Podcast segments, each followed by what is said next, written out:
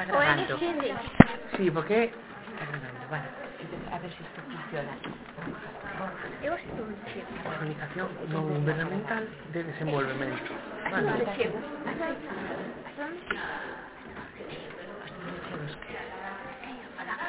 Pero a outra, a outra, non vos preocupades, vale?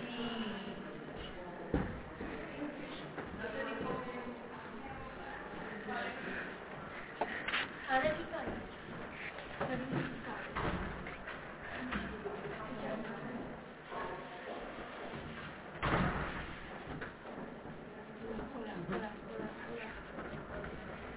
días. Luis García, acabamos de visitar a exposición que gustaríanos compartir, se non tes problema, uns momentos contigo en Radio RAS, a Radio Escolar.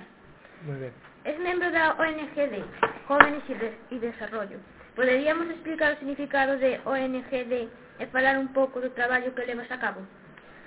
Pois, eh, bueno, bo, boas tardes. Eh, o objetivo, o sea, o ONGD é Organización Non Gubernamental. E despois eh, engadimos a D que significa desenvolvemento. O que é unha organización que está especializada no desenvolvemento, é dicir, normalmente a cooperación ao desenvolvemento, que é para eh, tentar erradicar a pobreza nos países pobres, nos países máis empobrecidos, Entón, para elo, pois, facemos traballo aquí en Galicia, en España, en, en, de sensibilización, que é para dar a coñecer toda a problemática á poboación, e eh, aos, aos alumnos, neste caso do, do, do, do colexio, do instituto, e, e despois eh, eh tamén traballamos nos países con proxectos de desenvolvemento, a través de persoas que están ali contratadas e que traballan coa poboación dali local. Dende cando participas nesta organización? Bueno, pois eu concretamente estou desde o ano 2010 como voluntario e despois estive no ano 2011 en Angola un ano inteiro facendo un voluntariado técnico porque eu estudiei teño un máster en cooperación entón, bueno, pois como está a temática moi relacionada pois pois eh, a vinculación con a ONG porque estiven ese ano en Angola e eh, despois pois casualmente eh, despois de voltar e eh, de traballar en algún lugar outro lugar pois decidín eh, bueno, saliu eh, unha, había unha compañera que estaba antes que eu non, facendo este traballo e eh, entón despois pois tocoume a min facelo Que te levou a tomar esta decisión?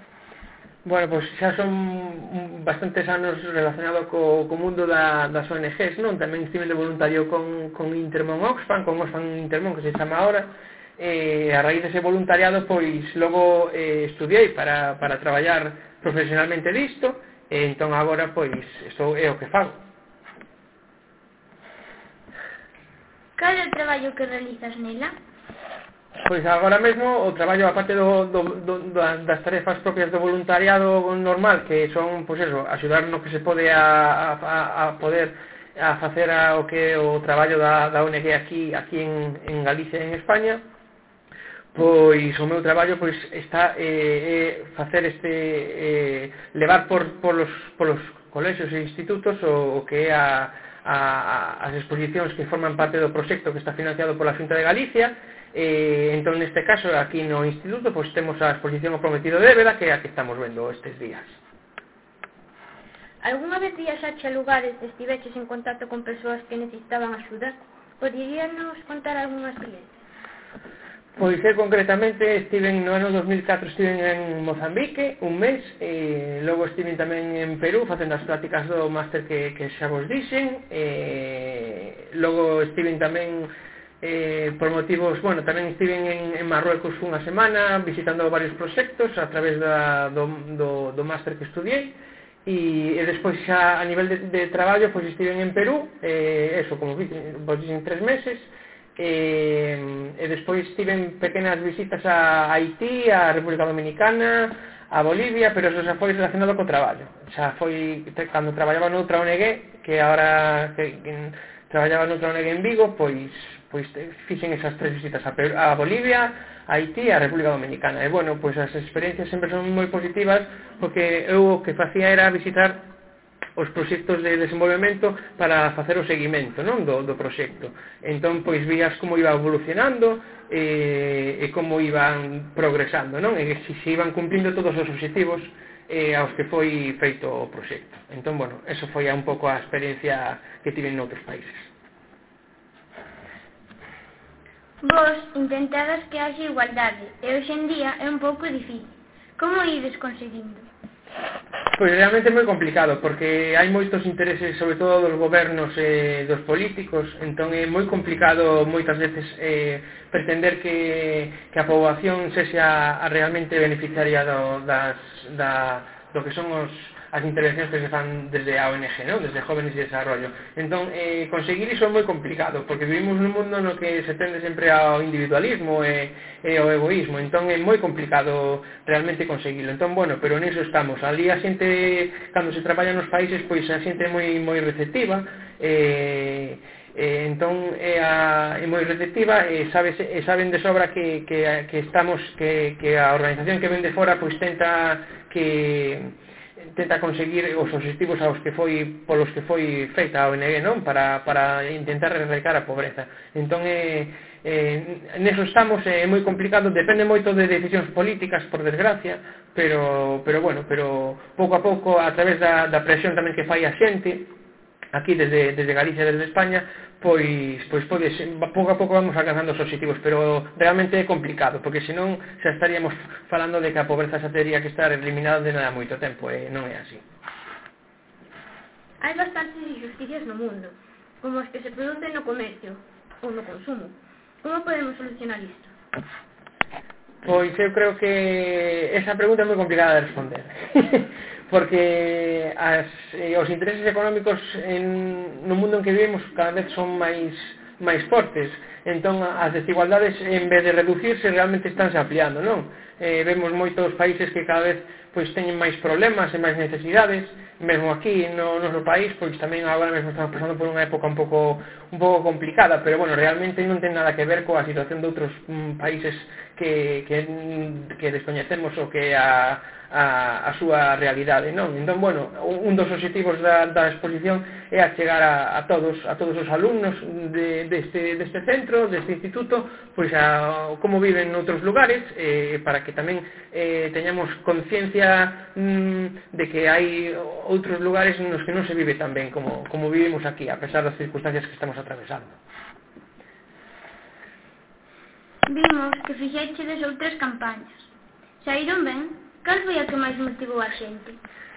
Bueno, pois eu, a ver, eu desde que estou traballando na, na, na ONG, pois eh, estou levando a, a cabo a campaña esta que é o abrindo unha señal ao mundo. Entón, anteriormente houve outras campañas que tamén foron eh, financiadas por, neste caso, a Xunta de Galicia, que é a que, a, o que maior, o maior financiador que temos das, das campañas, Eh, eh, en, en principio son campañas de sensibilización entón o objetivo é, é principalmente eh, sensibilizar e eh, dar a coñecer toda a problemática a xente que non coñece entón desde ese punto de vista é moi positivo porque sobre todo o traballo nos centros educativos é un traballo que hai que facer durante todo o ano non? entón para iso a ONG tamén dispón duns materiais didácticos que normalmente nas tutorías eh, sempre é o que, o que máis se usa, eh, con moitas actividades que ven clasificadas por ciclos, e por, e por, o sea, ven para primaria, para infantil, para secundaria, para bacharelato, eh, entón ven todo moi ben mm, estruturado e moi ben feito para, para que poida chegar o que hai información eh, e teñamos todos coñecemento do que son os, eses, eses problemas non? que realmente a ONG pretende denunciar. O teu traballo é este, ou combinalo con outro? Bueno, pois eh, neste caso o meu traballo traballo é este agora mesmo. Entón, bueno, eh, a situación tamén a nivel de, de traballo é bastante complicada porque os, os, os orzamentos e o, os cartos destinados á cooperación, ao desenvolvemento, pois están reducíndose moitísimo desde que, desde que estalou aquí a crise Entón, bueno, eh, agora mesmo o meu traballo é este. Logo teño os meus hobbies e as minhas aficións como todo o mundo, pero pero o meu traballo propiamente é este que é de técnico de sensibilización ou técnico de, de educación para o desenvolvemento. Cantas horas lle dedicas a este labor solidario? pois a, hai que distinguir a labor de voluntario e a labor de, de neste caso, de, de, de traballador, non? De, de contratado. Entón, bueno, o, a labor de voluntario pois depende un pouco tamén do tempo que un dispón e, e eh, despois a, o, a labor de traballo pois tamén aí depend, non, non depende de nada, depende das horas que son realmente de traballo. Entón, bueno, eu normalmente estou traballando pois eso, por, polas mañás, porque tamén é horario que normalmente os centros están abertos, non? Despois pola tarde, nos coles normalmente hai actividades extraescolares e, e bueno, entón é outra clase de, de actividades, pero bueno, normalmente entón é, é iso, e logo hai que distinguir, como digo, o traballo voluntario, que é un pouco cando un pode facer, pois cando un ten tempo libre, disposición para facer as cousas, pois eh, do traballo, digamos, eh, laboral, non? Profesional en este caso. Entón, bueno, eu combino os dous do mellor, da mellor maneira que podo, pero, bueno, a veces non é fácil. E para ir rematando, a túa cara de enfado usala moito. A miña cara? De enfado usala moito. A miña cara de enfado. Bueno, pois depende... que gracia, que pregunta. Eh, pois depende da, da situación, non? Pero bueno, de, realmente cando eu falo destes, destes temas eh, coa xente, pois debería estar enfadado, porque a situación non é non é, non é nada boa, non? Para, para moitos países.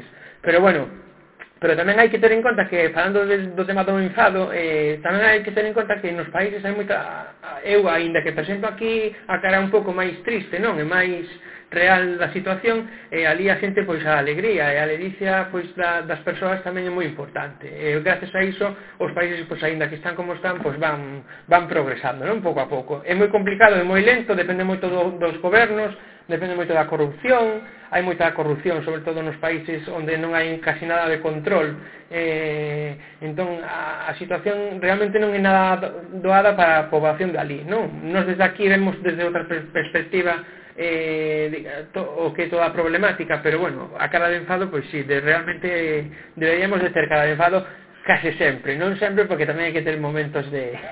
pero falando desta temática, pois realmente un está preocupado, senón non traballaría disto, realmente.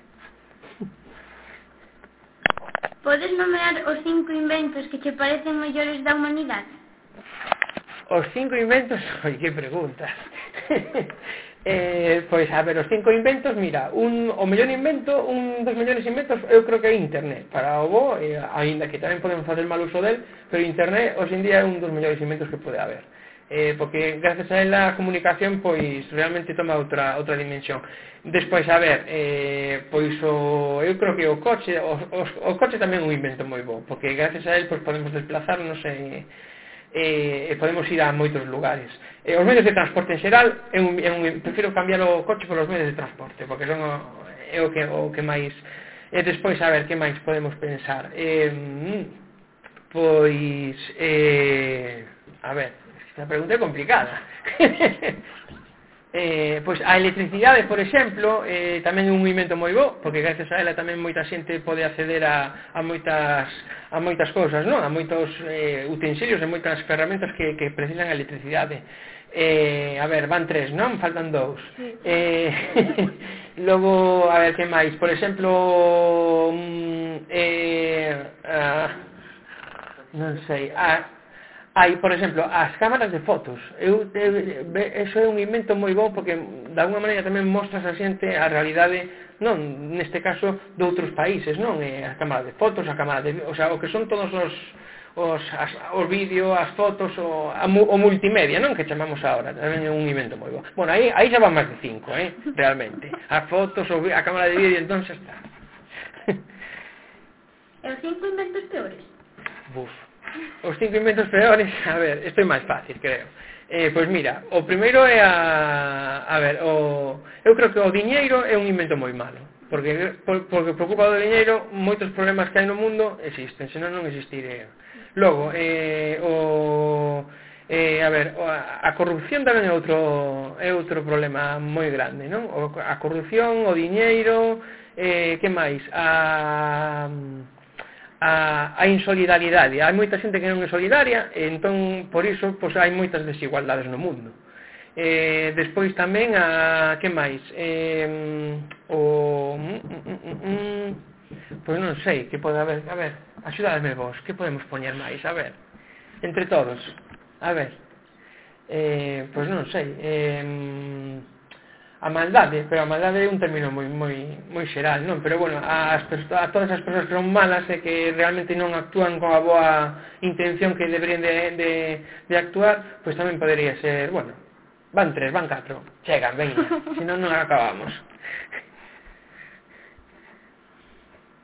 Se tiveres que escoller a un personaxe da historia, con cal quedarías? E por qué? Pois que, a ver, quedaríame, eh, por exemplo, con con quen, con quen, con por exemplo, con Nelson Mandela, porque realmente foi unha persoa que soubo que soubo tentar eh en, no caso de Sudáfrica eh, de, a igualdade eh, e que non houbera distinción entre entre blancos e negros, non? Quédome con el, con Nelson Mandela. No. Esperamos que te sentises cómodo nesta entrevista, Luis García agradecemos que a túa presenza no traballo que está a desenvolver a organización na que traballas. Bueno, pois pues moitas gracias a vos tamén por contar comigo e eh, esperemos que a exposición que aquí estará, estará aquí hasta o Benres pois pues, poida ser visitada por, por, por todos os, as alumnas e os alumnos. Moitas gracias. Facemos unha, unha foto con ele. A ver, unha foto... Sale ben o vídeo, que non o sí. todo mal. Vale? Bueno, tranquilo. A ver, unha foto. A ver. Para Espera. que teñas un recordo de radio a radio. A ver, aquí co, co, al lado micro, si non, teña. Moi ben a radio do cole, eh? Sí, señor. A ver. Casi de xa, non? Sí. Ten que estar enfocado de color... Pulsar un poquito, que quede de color verde e logo tirar. A ver, Ai, vai salir borrosa, eh? No, no, no, no. vamos a ver a acoplar. Eh? A ver ahora sí. A ver, veña. Vamos. Hoy non sirvo para... A ver. Ai, mira, sí, ahora sí, xa sí, saliu, sí. eh? Sí, complázale mellor. A ver si saliu, mira si saliu, que se me... po- No. Perfecto, xa está. Saliu, Muy vale. Ala, listo. Si non se chipiu eu. Veña, gracias. Ay, Todo esto, esto es